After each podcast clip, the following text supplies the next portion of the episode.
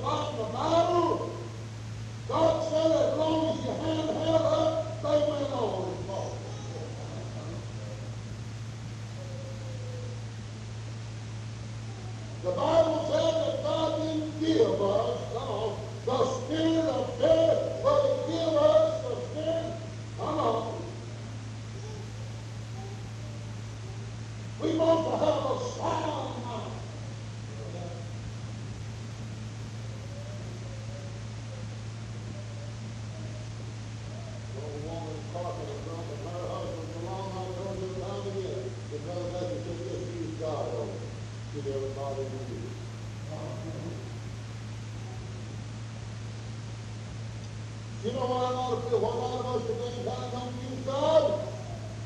So we use just what we have because we don't have